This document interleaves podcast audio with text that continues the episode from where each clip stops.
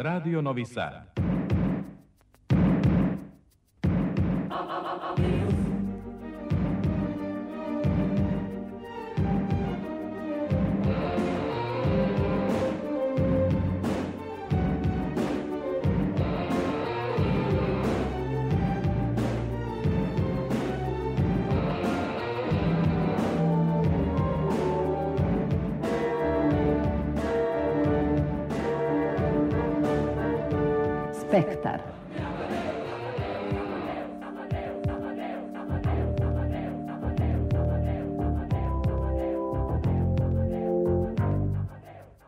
Spektar.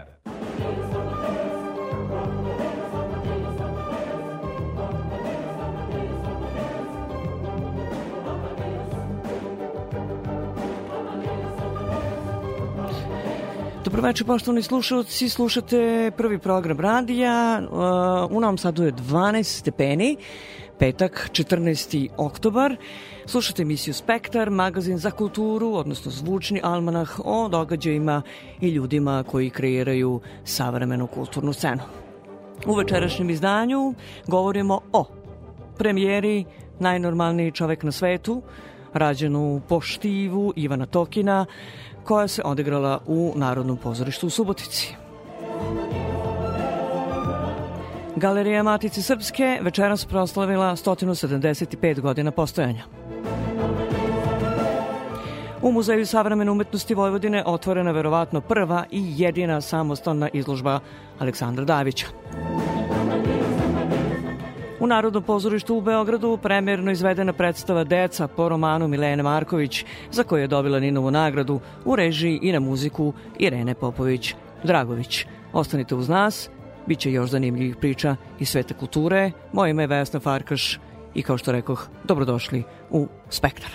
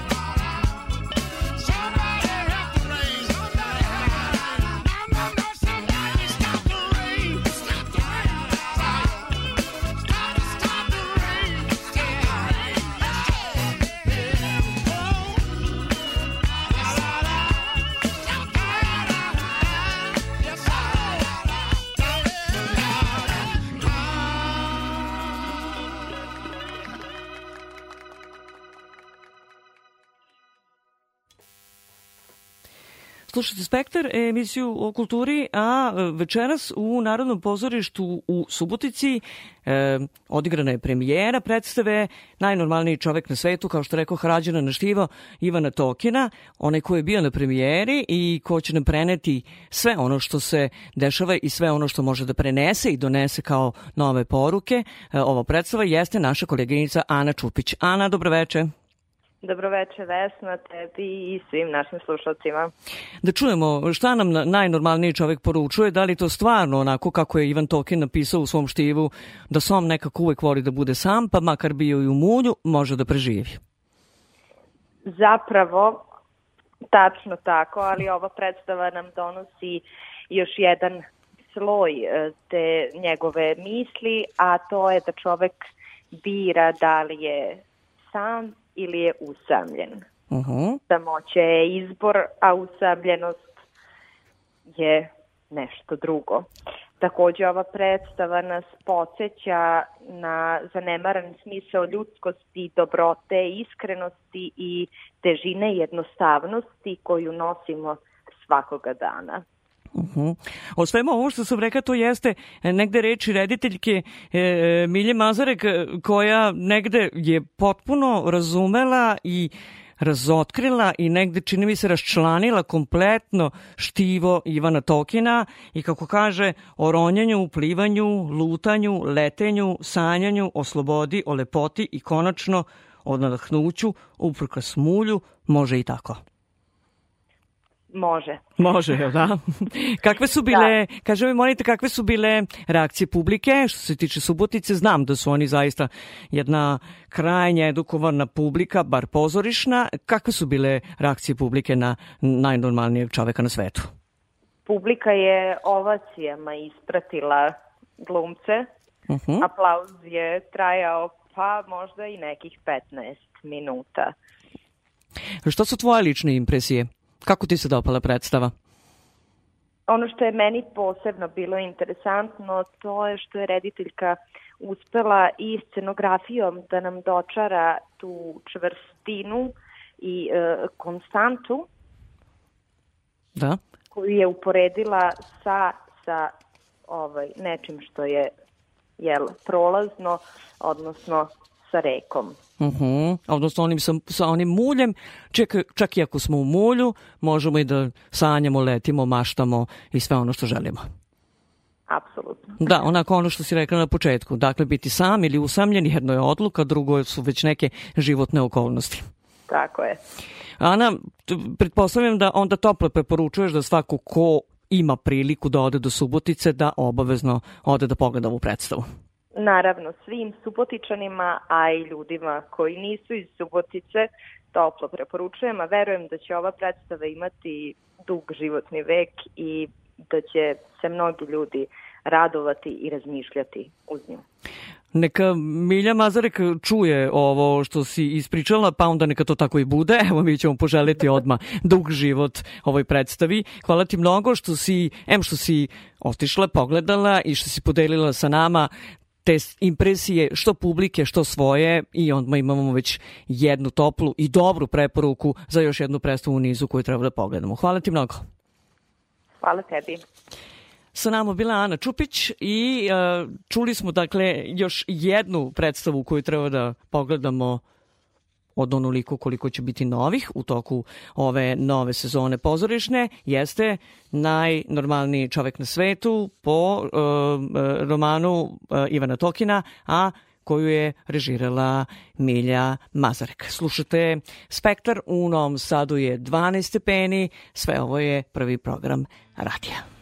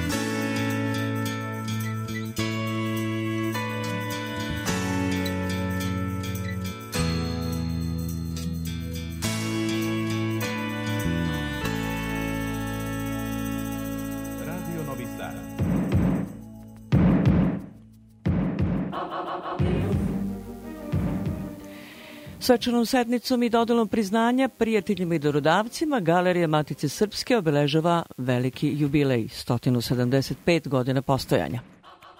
Program je počeo tradicionalnom promocijom novih, u bronzi izlivenih bista dobrotvora galerije, a potom i postavka dve nove skulpture u budućem parku na trgu galerija.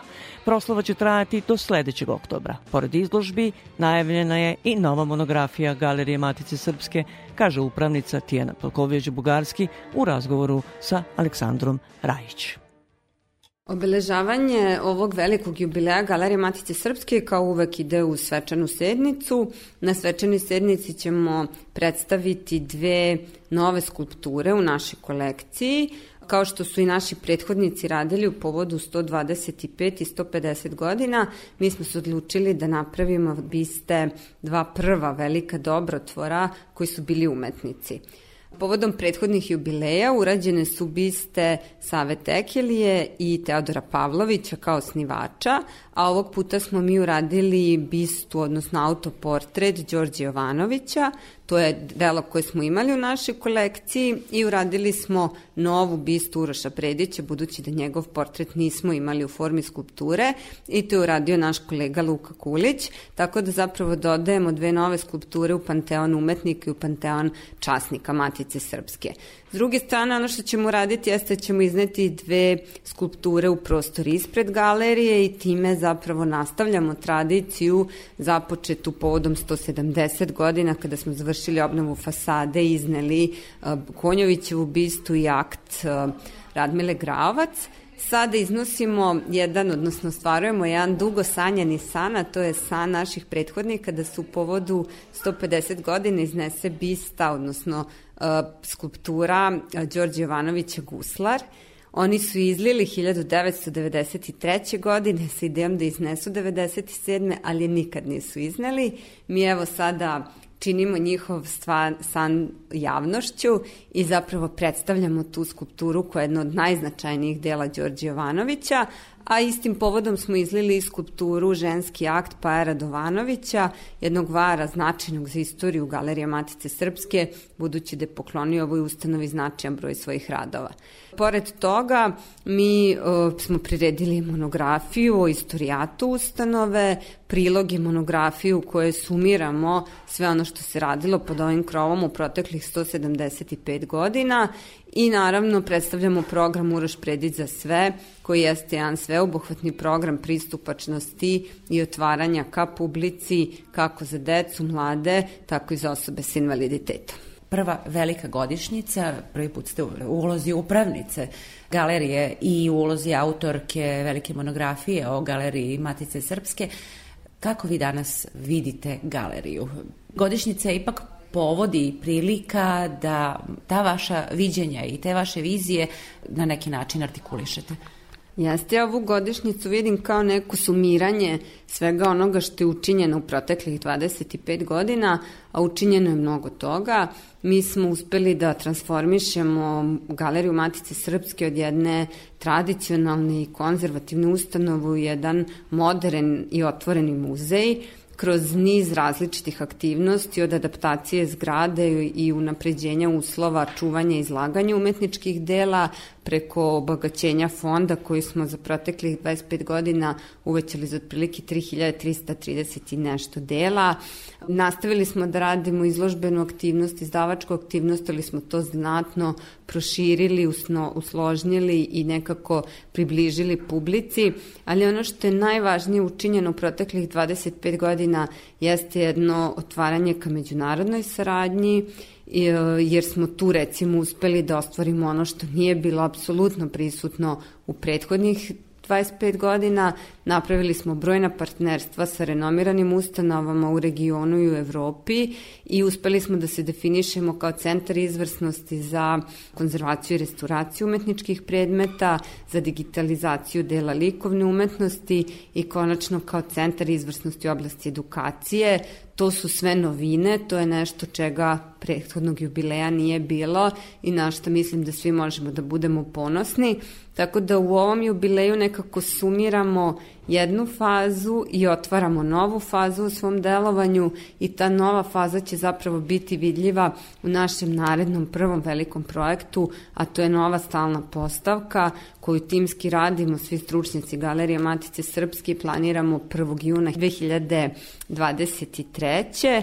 Zapravo da bi obeležili onaj trenutak 1. juna 1958. kad smo se uselili u ovu zgradu i to će biti jedan potpuno novi pristup, novi iskorak, nov način posmatranja umetnosti novog doba, nov način prezentacije i to će zapravo započeti, ta, time će započeti nova faza u razvoju Galerije Matice Srpske, koja će biti na neki način nastavak svega ovoga u smislu mi ćemo i dalje insistirati na toj vezi sa prošlošću, na tradiciji, ali isto tako i na inovaciji, na kreativnosti, tako da se evo, radujemo tom novom početku nakon što dosegnemo neku krunu ovog prethodnog perioda i obeležavanjem jubileja i ovom trenutno otvorenom izložbom Urošu Prediću. One, two, to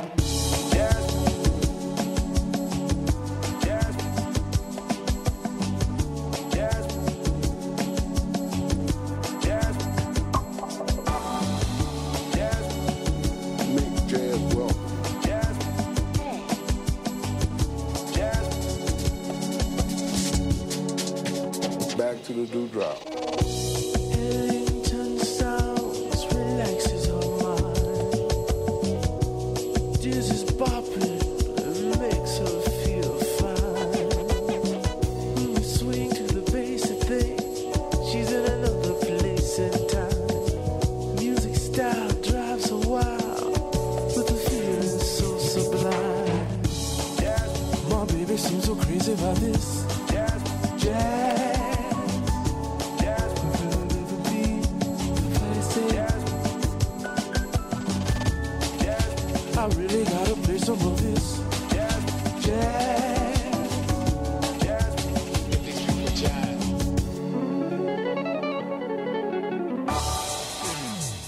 Back to the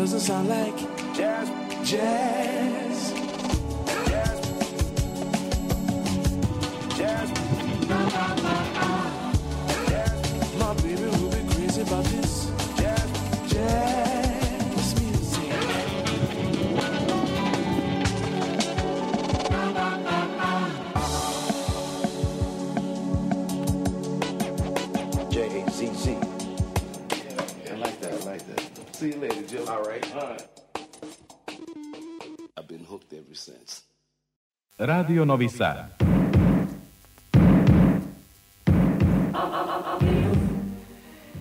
Slušajte Spektar, e, zvučni almanah o događajima i ljudima koji kreiraju savremenu kulturnu scenu. Petak je 14. oktobar, a u nastavku emisije Spektra sledi u emisiju savremene umetno, u Muzeju savremene umetnosti Vojvodine.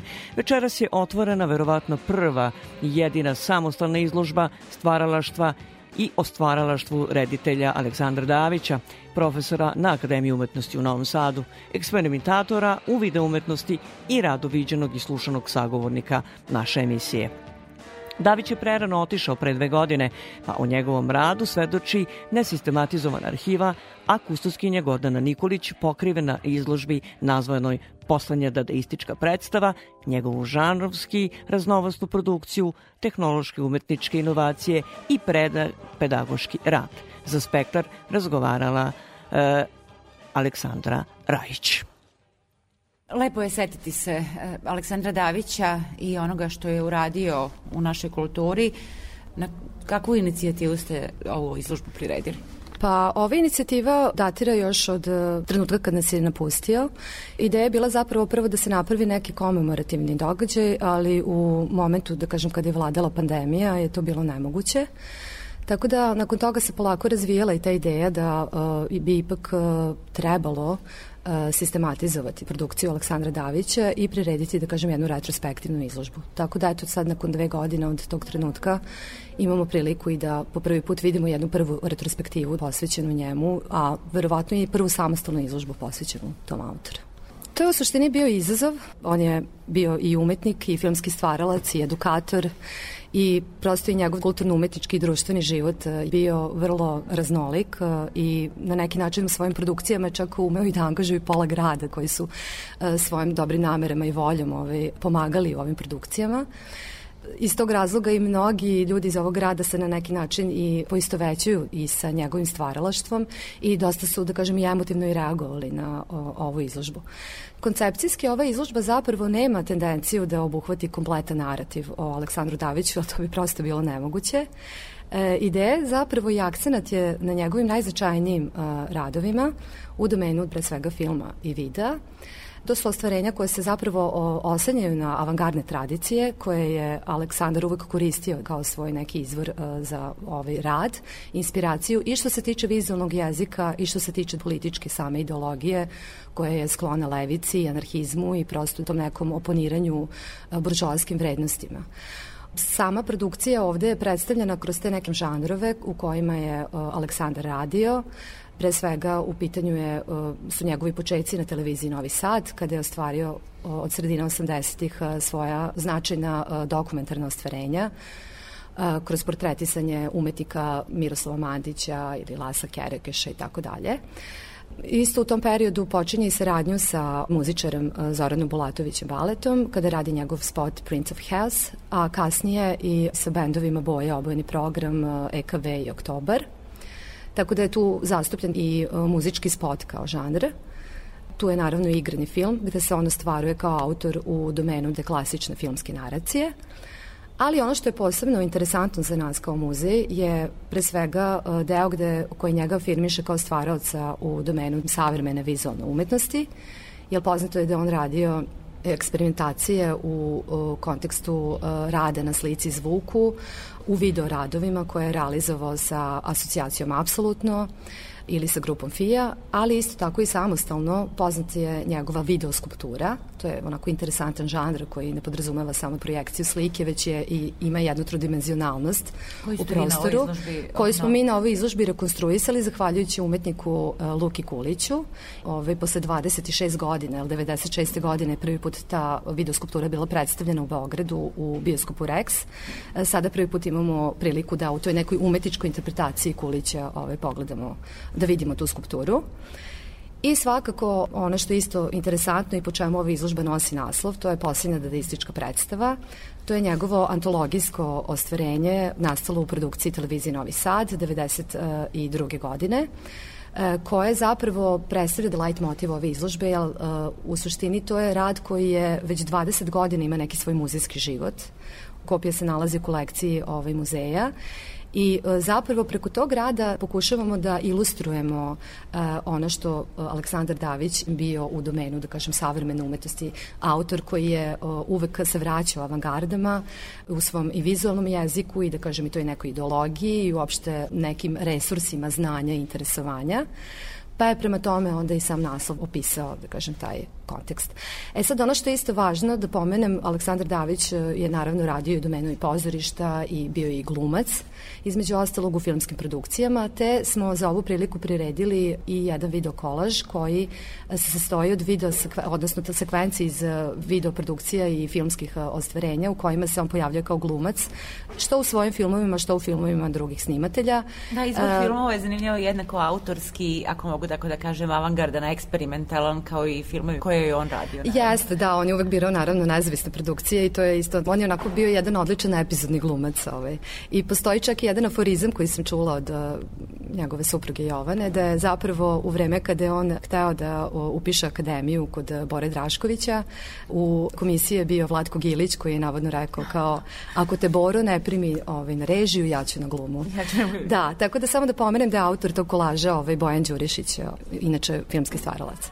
Moram samo da pomenem, pošto je to sad i razgovor je kratak, da svakako treba pomenuti i njegovu aktivnost, naravno, i ono što je najbitnije što ga definiše kao profesora. Izložba je nastala u produkciji e, Muzeja savremene umetnosti zajedno sa njegovom matičnom kućom Akademijom umetnosti Novi Sad bez čije podrške naravno ovo ne bi ni tako izgledalo, tako da e, ono što treba istaći jeste taj njegov rad sa studentima gde je zapravo upravo tu svoju neku inovativnost, eksperimentalnost isto uvodio iz taj pedagoški rad, jer uvek je bio okrenut ka tom nekom neformalnom razmeni i distribuciji znanja. I zbog toga često i njegovi studenti su bili i njegovi prijatelji i saradnici i uh, taj rad se širi na druge neke aspekte van institucija.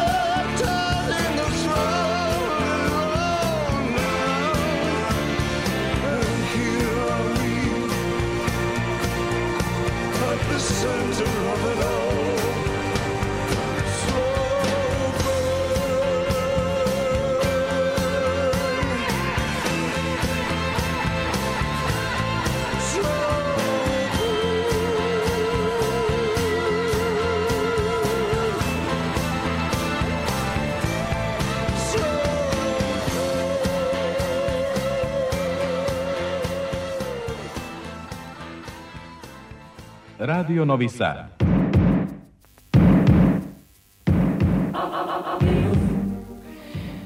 Minuta nas deli do 23 sata, petak je 14. oktobar, slušate Spektar, a u nastavku, naravno, ono što smo čuli jeste divni David Bowie kada već govorimo o ljudima i o događajima koji kreiraju e, kulturnu scenu. Jedan jeste od pionira koji su zaista kreirali ne samo e, e, scenu recimo Velike Britanije i Amerike nego gotovo čitavog sveta.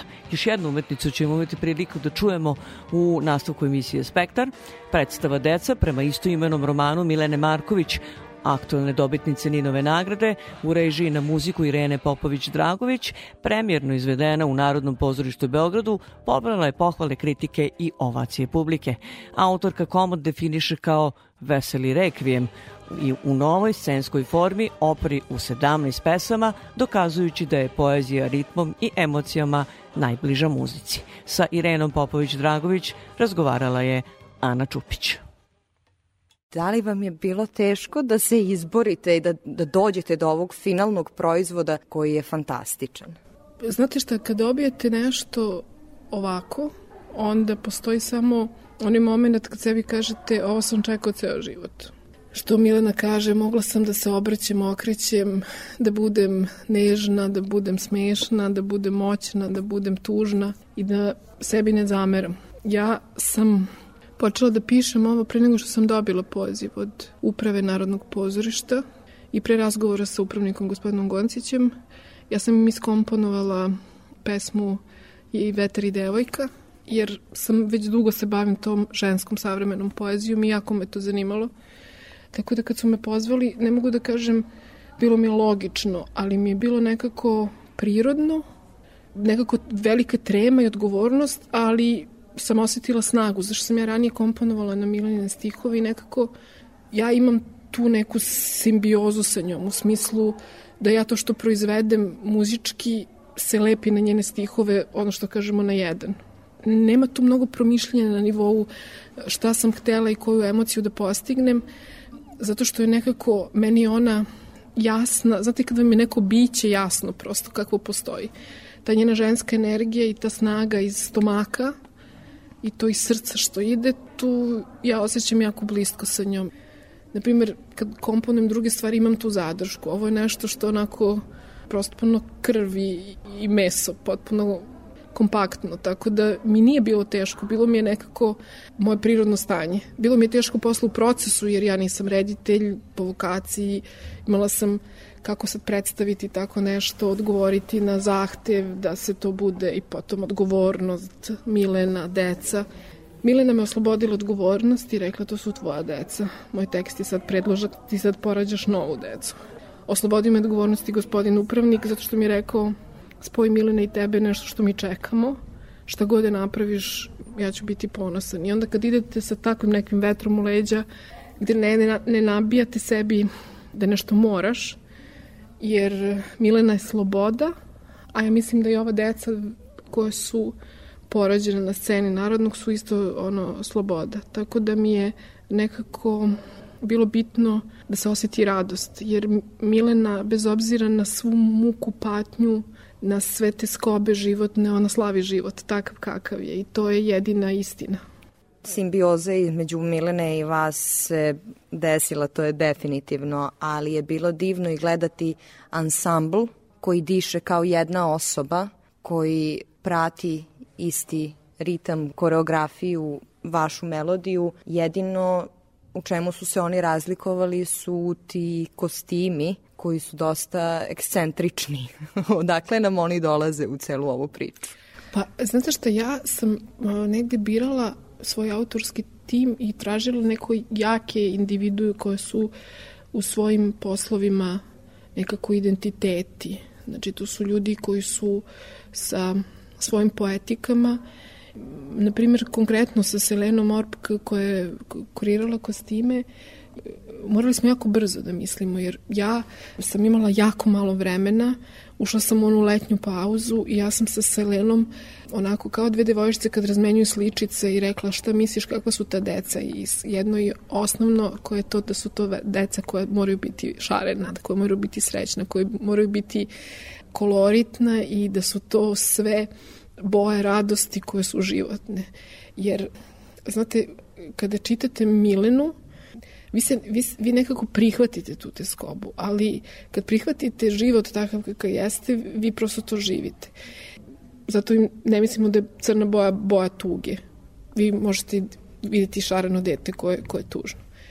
I ova naša deca, koji je hor, su još jedan novi sloj, na primjer mi nismo birali nikakvu decu koje su deca iz muzičkih škola, deca iz škole glume, deca iz centra grada. Ovo su deca Hornade koje su deca sa margina. Oni izazivaju jednu posebnu vrstu emocija u toj njihovoj nesavršenosti, kao i u tom nekom nesavršenom pevanju. Vi se poisto većujete. Jer to je užasno bitno, zato što ovde peva 17 ljudi, svira orkestar kamerni od 10 ljudi peva 12 dece. I svi su Milenin glas. To je Mile, Milena u ono milion boja. I ono što vas ovde nosi jesu te emocije i jedino to. Jer vi kad ovo pogledate, ja prosto mislim da vi pristanete na to. Da vas to šamara i da se smete, a da imate osmeh, zato što prihvatate. I to je to, prosto taj roman Milenin je to, prihvataš život tako kako jeste i teraš dalje. I mislim da ova postavka na ovaj način da jednu mogućnost da Iako nemaš klasičnu postavku, dramski sukob, nemaš nikakvu zaplet, rasplet, da ti možeš prosto da prihvatiš i pristaneš da te to nosi. I to je nešto što je nekako veličina ove predstave. I ono što se osjeća i što u šta verujem, a to je ogromna ljubav koju ti glumci nose. Jer vi njima verujete. Verujete im kad džuskaju, i kad pevaju i kad ne pevaju dobro i kad su se zbunili i kad su se nasmijali i kad su vas na kraju pozvali na scenu da svi zajedno igramo i pristanete na to da vam kažu ništa ovo nije veselo. Svi smo mi na kraju ljudi koji znamo gde idemo. Nekako je veseli rekvijem na kraju. Ali prosto su emocije jake zato što ja mislim postoji ta čistota i to je u teatru možda najteže napraviti a postoji nešto katarzično u tome zato što je to što sam čula sa raznih strana da je to jedna vrsta rituala, a ovo je ritual, deči ritual. Jer vi se negde tražite to dete u sebi. Jer mi svi na kraju jesmo ta strašna ljudska deca. Bez obzira gde smo pozicionirani i ko smo. A to je, mislim, u teatru teško postaviti. Pogotovo što odete u teatar i ne desi vam se ništa i to niko ne prizna, a ovde vam se svašta desi. I mislim da ljudi izlaze, makar evo ovi ljudi koji su gledali, izlaze katarzično potpuno, zato što vi prihvatite na to da ste se suočili s tim. Da, to smo, to smo videli ovaj, da je publika jako lepo reagovala, više puta se desio taj otvoreni aplauz i aplauz na kraju je trajao pa jedno 15 minuta. Glumci su se 5-6 puta vraćali na scenu. Divno je gledati spoj nespojivog. Da li su ljudi, kada ste im saopštili kako ćete raditi ovo, bili skeptični? Ja sam jako intuitivna i nikad me taj stomak ne vara. Vaspitana sam da puno promišljam i da u procesima i, i se igram sa njima. Ja sam sa nekim od njih puno radila. I imam taj neki kredibilitet od predstava koje se radila sa Urbanom Andrašem i sa Kokanom Mladenovićem i sa Tanjom Mandić i sa Snežanom Trišić i sa Frljićem.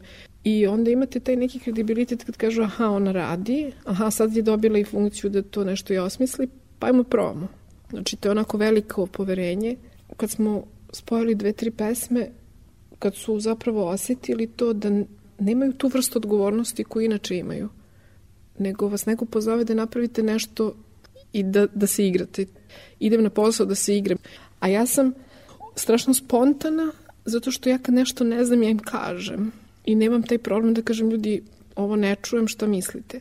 Nije to ta vrsta demokratija, imamo sad svi sve, nego prosto sam pokazala da sam i ja to isto jedno dete nemoćno koje bi da se napravi nešto ne ni drugačije ni veliko, nego samo da porodim to nešto što mislim da, da treba da ovde se desi. Ja sam imala sve o, dute u svojim rukama, izabrala sam ljude koje sam htela. Pozvala sam zapravo ljude koji su bili spremni na taj izlet. Evo, kad je meni Nela Mihajlović, koja je stvarno izuzetno velika glumica, rekla sve što mi kažeš verujem ti. Ne znam zašto, ali verujem ti. Zato što me se tiče. Jer kao što je publika večeras plakala, tako su oni plakali na probu. Mi smo imali taj problem da sad kao idemo nešto da isteramo, a da ne bude patetično, jer ovo je na ivici. Užasno jako na momente vas sabije, toliko da ne znate gde ćete. A opet treba da ima tu održivost jedno, jedne predstave. A opet, kažem, olakšavajuća okolnost je to što je ovo ipak opera koja je komponovana za glumce, znači za obične glasove, za operske glasove, dečiji hor, kamerni ansambl i elektroniku. Znači, moja ideja je bila da suočim nas sve sa tim gde je opera danas i zato imate te scene koje što su otvoreni i sukup drame i opere gde vi često idete u operu znači nama govore ne razume se, ne razume. Ja samo postavim pitanje ko šta razume u našoj operi. I o tome se radi, a mi o tome ne govorimo zašto, zato što je opera danas zaštićena i prosto takva kakva je ne nespojivo da možete da kritikujete nešto što je institucija, što je to.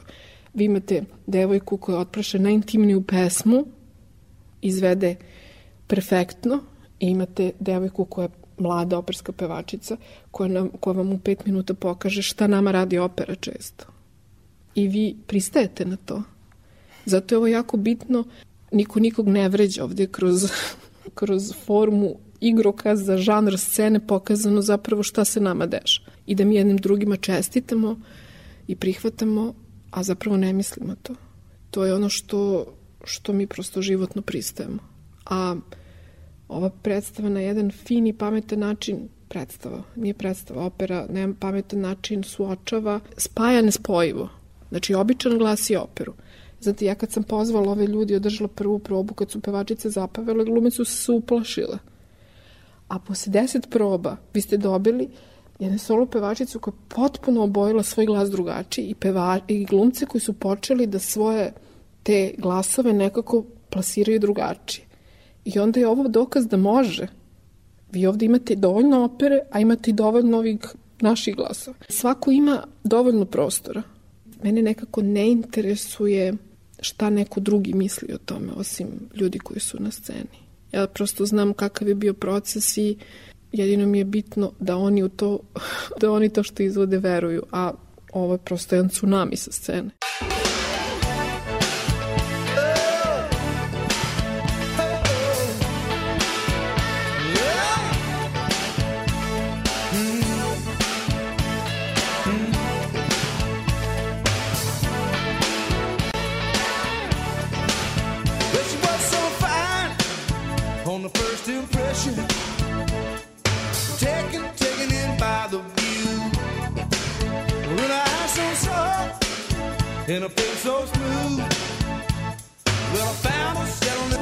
Christians.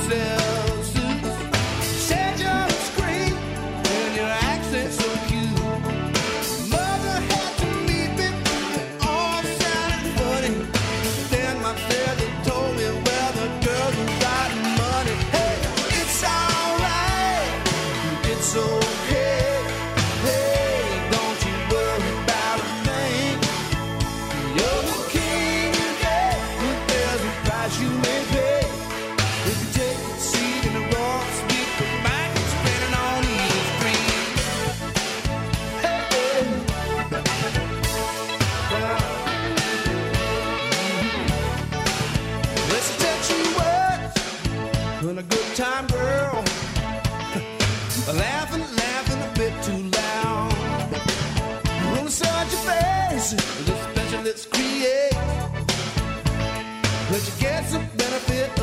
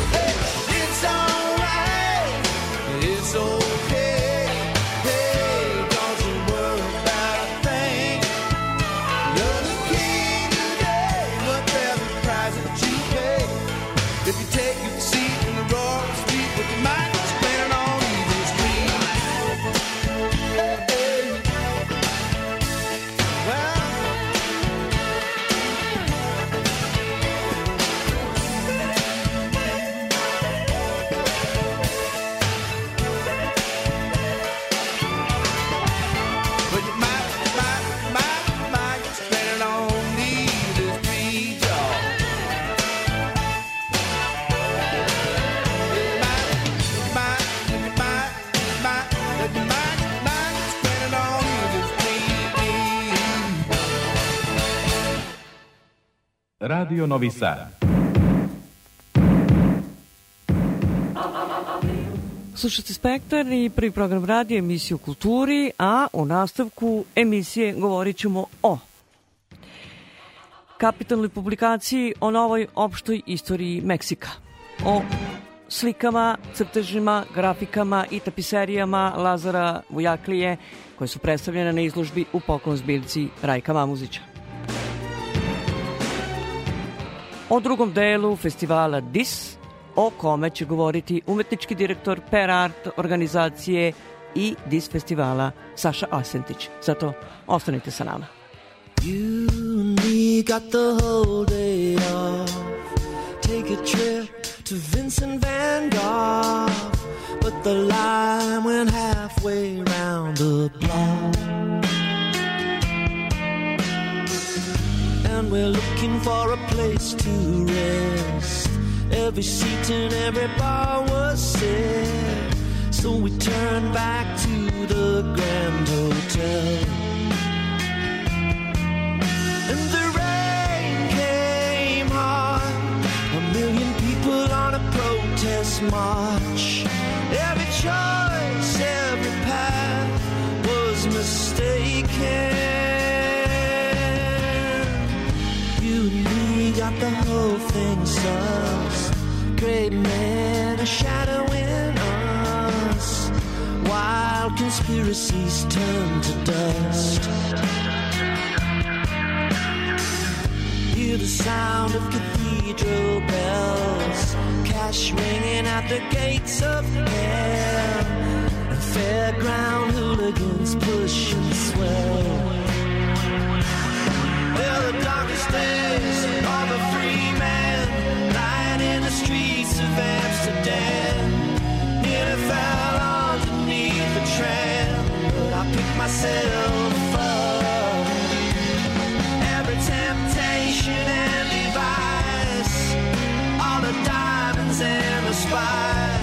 I would give anything for the sight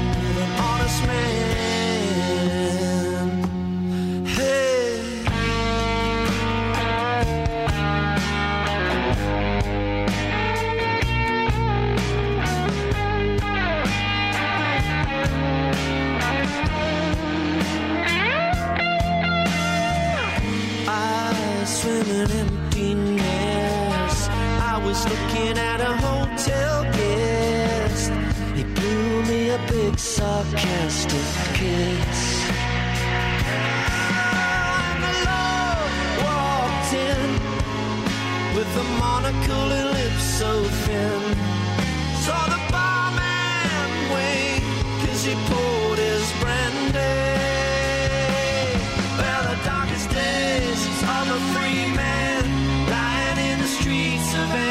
Amsterdam. Nearly fell underneath the tram, but I picked myself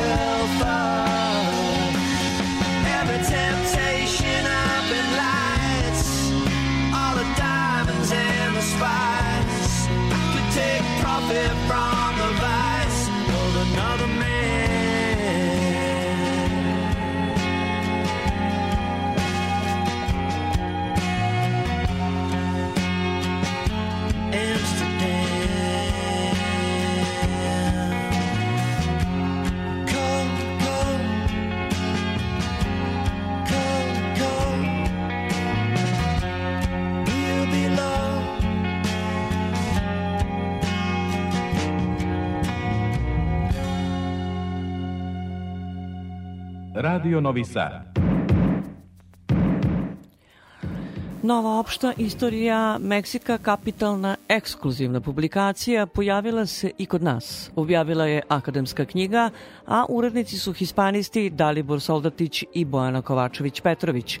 Tom knjigom postavljeni su i novi prevodilački standardi.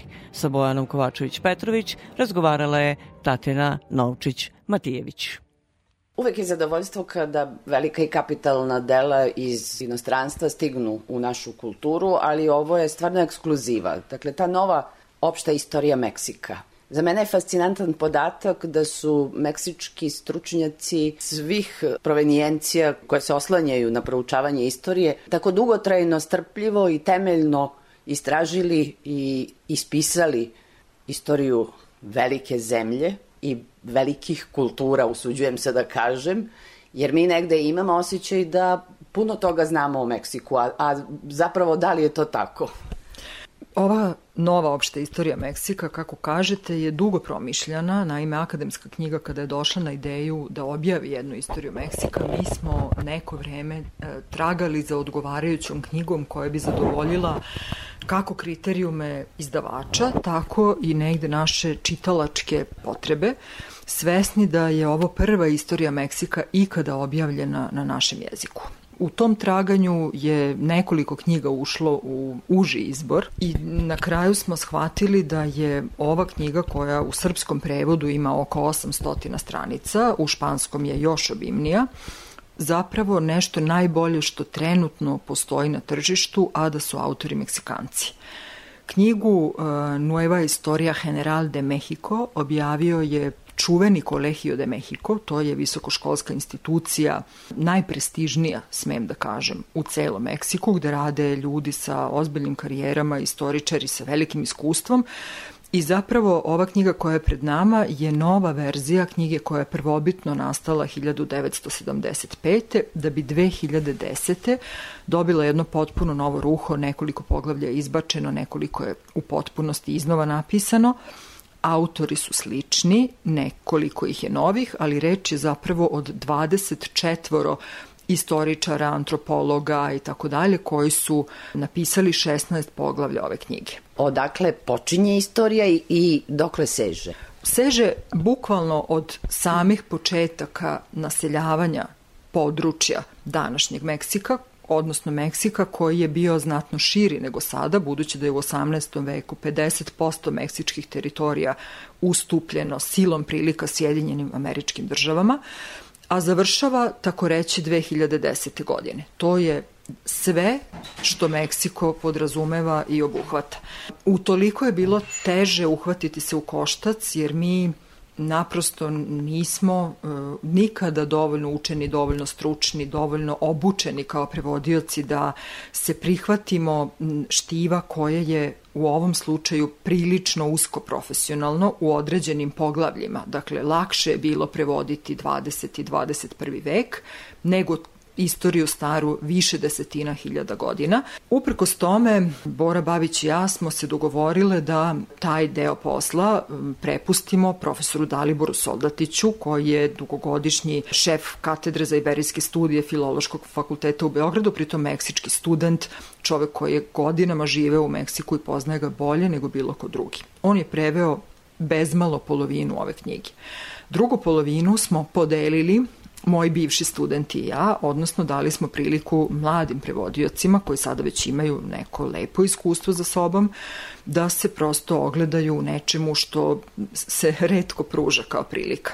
Međutim, to je bio naravno jako dugačak proces, mnogi su morali da konsultuju stručnjake za određene oblasti. Kada je reč o terminologiji, to je uvek problematično, međutim, mi smo ovom knjigom, čini mi se, postavili i neke nove terminološke standarde, a pre svega transkripcione, zato što smo zapravo konačno crno na belo i zauvek zacrtali da se kaže, na primer, Hernan Cortés i da određeni toponimi imaju onakav izgovor kakav mi kao stručnjaci za španski jezik uz pomoć stručnjaka za domorodačke jezike, budući da je Meksiko prepun naziva koji, koji potiču iz astečkog i mnogih drugih domorodačkih jezika i tu je bilo vrlo zanimljivo kako smo rešavali da, te e, te izraze, međutim to je dosta uspešno sravnjeno, ti različiti autorski i prevodilački rukopisi predstavljaju jednu celinu, zahvaljujući pre svega naravno nama, ali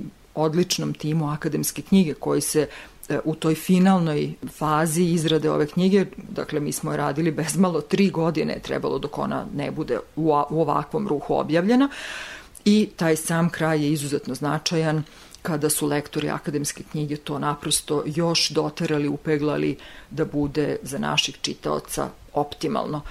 I ukratko Ponosni smo na to što smo uradili, reč je o kapitalnom delu, reč je o izdanju koje je u potpunosti na nivou svega što akademska knjiga objavljuje, pa ja bih se možda čak usudila da kažem i preko toga, jer ta knjiga i kada je po, i sadržinski, ali i vizuelno izgleda, mnogi kažu ovo je najlepša knjiga koju smo u životu videli, tome donekle doprinosi korica. Na koricama je jedan fragment murala Diego Rivere iz 40. godina, s obzirom na činjenicu da knjiga obiluje i kulturološki. To sam, to sam upravo htela da pitam. Dakle, sa stručnog stanovišta jasno nam je koliko je ovo bio za vas e, izazov i koliko je uspešan rezultat. Sa pozicije čitalaca, imajući na umu da rekao da mislimo da znamo mnogo toga o Meksiku, od onih e, primarnih stvari, čokolada, paprika, pasulj, kukuruz, do umetnosti, od marijačija, jel, pa do Fride Kahlo, Rivere. Šta nam nudi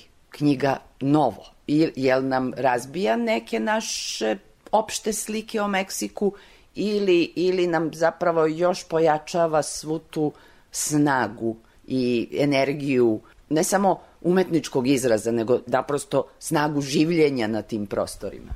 Zavisi od poglavlja do poglavlja. Naprosto nisu sva poglavlja jednako pisana, niti su jednako sa lakoćom čitljiva i zavisi od ličnih interesovanja. Nekako nama je najlakše pala istorija, na primer, od Meksičke revolucije do danas. To je ono što nam je negde i najbliže i što smo najčešće sretali u našoj literaturi, onoliko koliko, a nije mnogo, jel da, prevođeno i dostupno.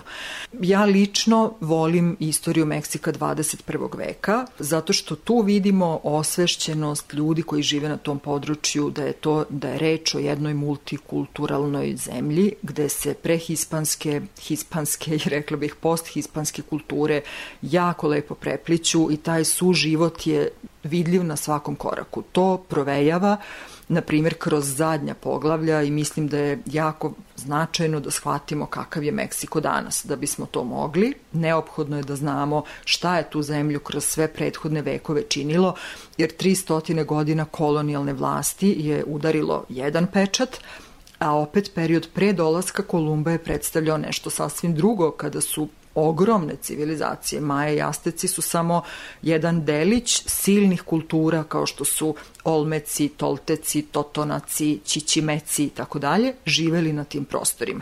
O svima njima se u ovoj knjizi govori, manje ili više, i prosto nam otvara jednu potpuno drugačiju viziju Meksika, kao zemlje koja počiva na bezbrojnim kulturama, civilizacijama i tradicijama do dolaska Španaca.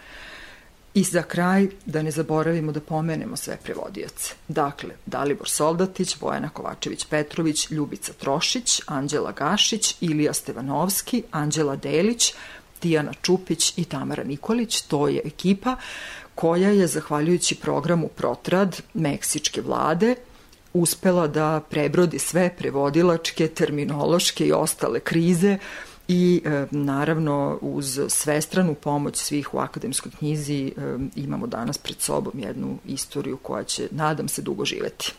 Ja se nadam i da će biti etalon i za naše istoričare, da krenu da pišu opštu istoriju Srbije, recimo. Pa ja ću samo reći jednu um, anegdotu. Naime, kada je veliki srpski pisac Goran Petrović pročitao roman velikog meksičkog pisca Carlosa Fuentesa, Terra Nostra.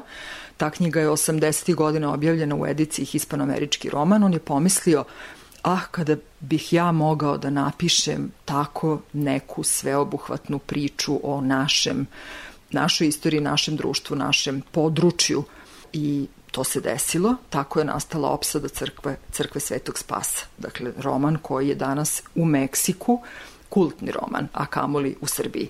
Eto, možda će ova knjiga isto tako nekome biti nadahnuće da zaista e, nas sve obuhvati, jer mislim da nam je svima to potrebno Lepo je da znamo istoriju Meksika, ali nam je i tekako potrebno da znamo jednu celovitu istoriju Srbije.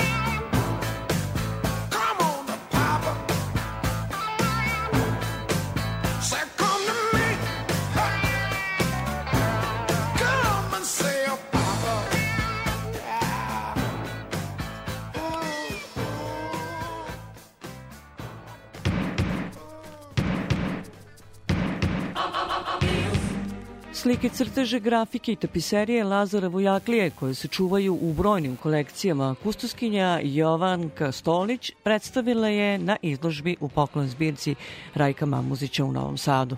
Na Novosadskoj izložbi predstavljeni su radovi iz desetak zbirki u Novom Sadu, Beogradu, Zrenjaninu, Pančevu i Nišu. O Vojaklijinu stvaralištu već je dosta rečeno, često i pogrešno, ali je uvek dobro ispraviti utisak i podsjetiti se njegovih upečatljivih motiva i blistavih boja. Izložbu je otvorio Darioš Sami, istoričar Muzeja Vojvodine.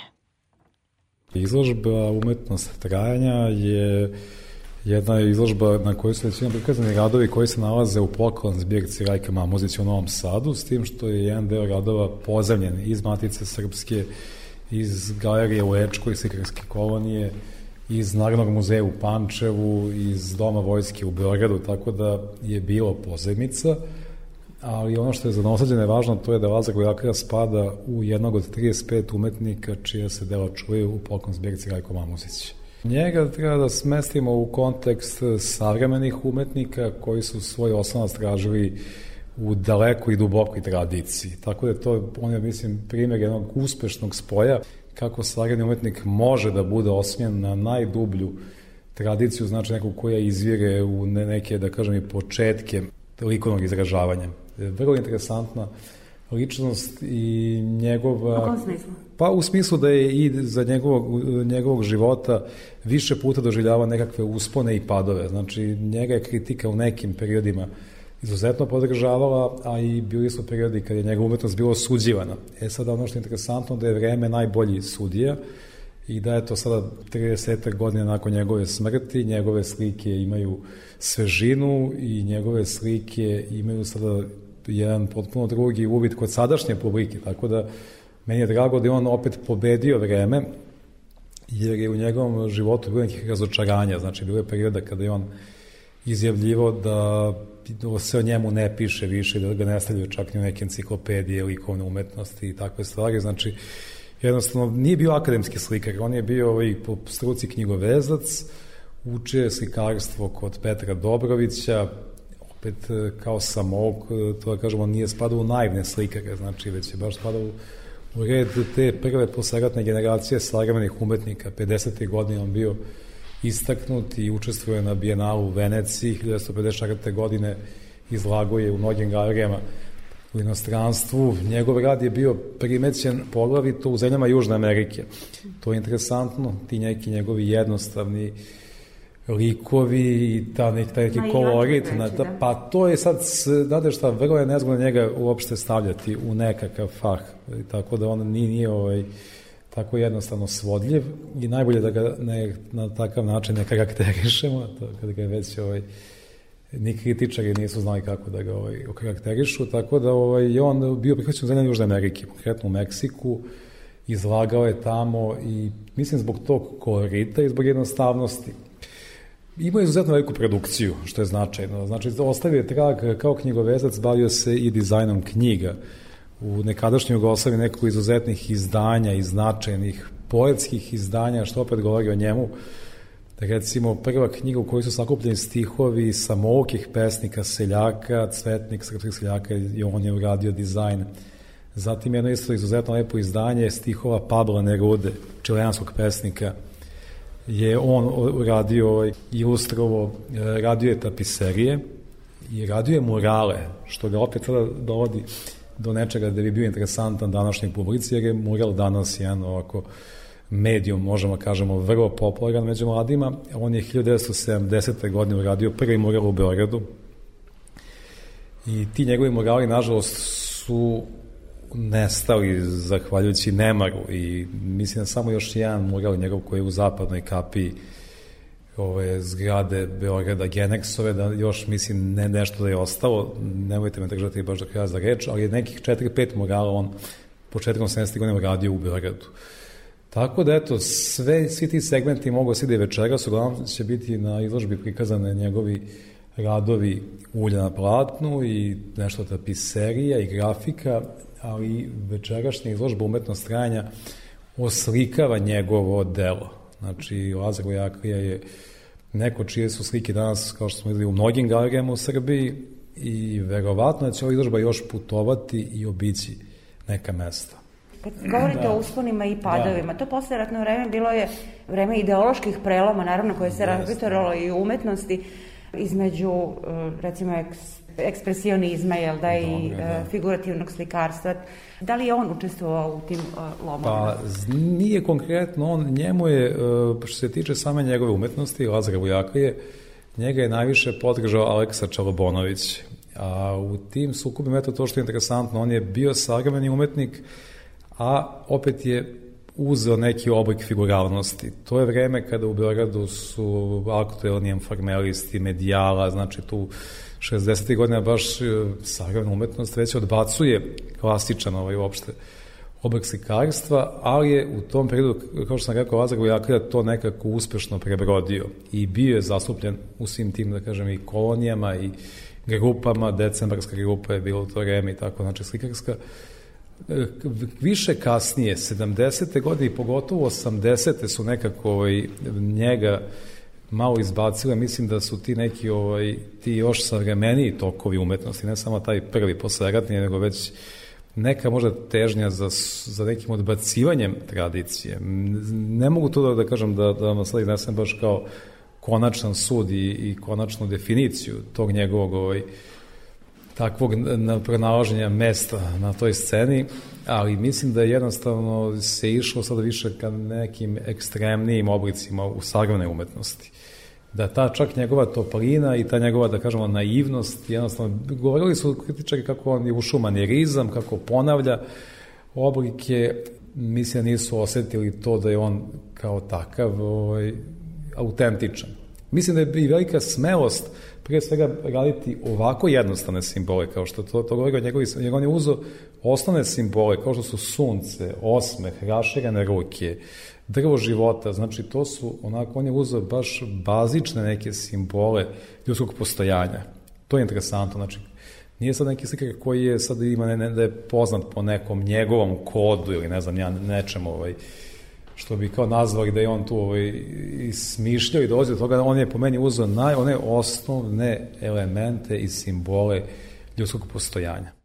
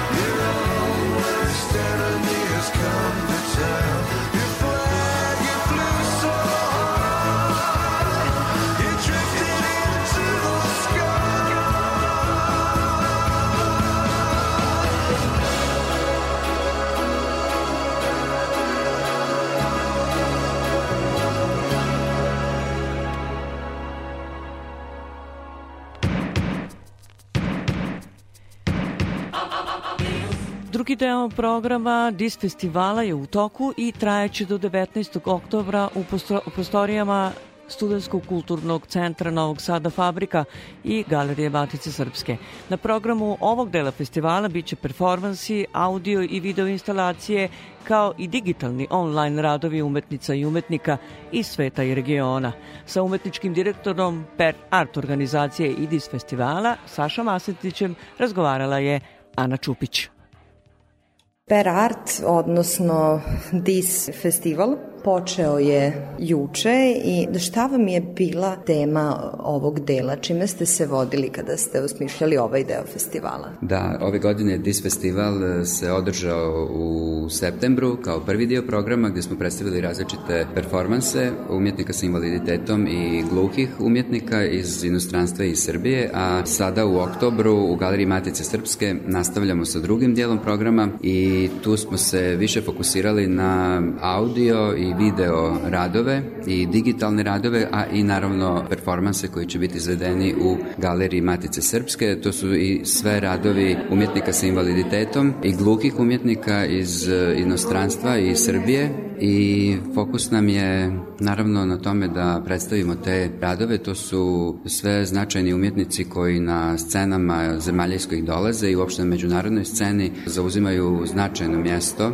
Tako da novosadska publika će po prvi put imati priliku da vidi rad Angele Alves, umjetnice iz Berlina ili radove Arti Meka, umjetnika iz Sjedinjenih država, iz Lincolna u Nebraski, zatim Mila Čuljak iz Rijeke, iz Hrvatske sa svojom zvučnom instalacijom. Potom imamo i umjetnice iz Teatra 21 iz Varšave sa njihovim videoradom i videorad Natalije Vladisavljević, umjetnica iz Novog Sada, članice Perarta, naše organizacije, a program smo sinoć započeli u fabrici sa performansom e, Manolisa Saridakisa, nika iz Atine i performans predavanjem Dalibora Šandora, naše kolege isto iz Perarta iz Novog Sada, a ono što nam je isto posebno drago da ćemo večeras publici isto imati priliku da predstavimo Mandanu Kuros, koja je umjetnica sa Downovim sindromom iz Teherana. A šta je to što će posetiocima posebno možda zagolicati maštu i otvoriti im srce? Pa nadam se da će im zagolicati maštu i otvoriti srce, jer su ovi umjetnici i umjetnice imaju vrlo zanimljive poetike, ali ono što se prije svega nadam je da će podstaknuti novosadsku publiku na razmišljanje o pitanjima kojima se bave ovi umjetnički radovi. To su pitanja solidarnosti, brige za druge, prisustva osoba sa invaliditetom i uopšte svih onih koji su drugačiji i odnosa društva prema njima i to su recimo neka važna pitanja koja pogotovo u vremenima u kojima živimo proteklih nekoliko godina pandemije, izbijanja rata i tako dalje su izuzetno važna pitanja za društvo i za kulturu e, svih nas. Dalibor Šandor je rekao čovek mora biti hrabar da bi mogao da nastupa u javnosti, ali to je jedini način da postigne promenu kakvu želi. Koliko je zapravo bitno podsticati ljude sa invaliditetom da se bave umetnošću i da, da se bave prosto javnim nastupima? Da, hvala vam što ste citirali Dalibora Šandora, jer u njegovom radu postoje zaista jako, jako važne poruke i to je bitno da ih iznosimo u javnost, ne samo na scenama ili u muzejima, nego i upravo na radiju kao što ste vi sada citirali isto Dalibora. Mislim da je izuzetno važno, ali ono što mislim da je važnije jeste da mi, osobe bez invaliditeta, radimo na stvaranju uslova koji će omogućiti našim kolegama i kolegicama sa invaliditetom da se izbore sa jako snažnim e, predrasudama, preprekama, nepristupačnom sredinom i svim drugim problemima koji nažalost i dalje dominiraju i kulturnom scenom i uopšte društvom u kojem živimo.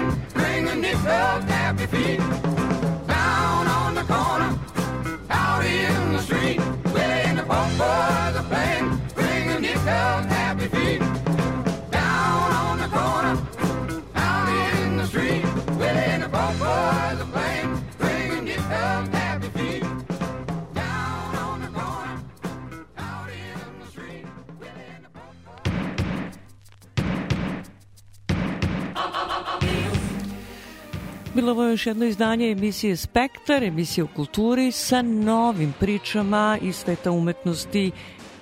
Tačno za sedam dana zakazujemo novo slušanje. Hvala vam mnogo na pažnji, na ukazanom poverenju i ostanite dalje uz program Radio Televizije Vojvodine.